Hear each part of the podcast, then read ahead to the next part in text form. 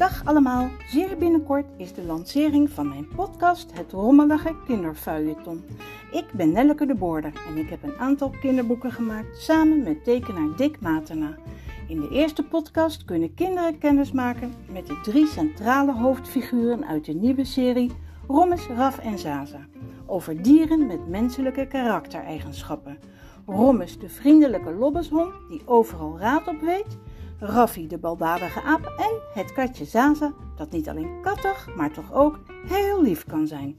In de volgende afleveringen krijgen ze te maken met een nare neef. Heeft Raf last van dyslexie? Zoeken exotische circusartiesten tijdelijk asiel? Wordt er gediscrimineerd? Adopteert Rommes een vondeling? Vinden ze een kabouterbos en nog veel en veel meer? Luister maar naar aflevering 1. Tot snel!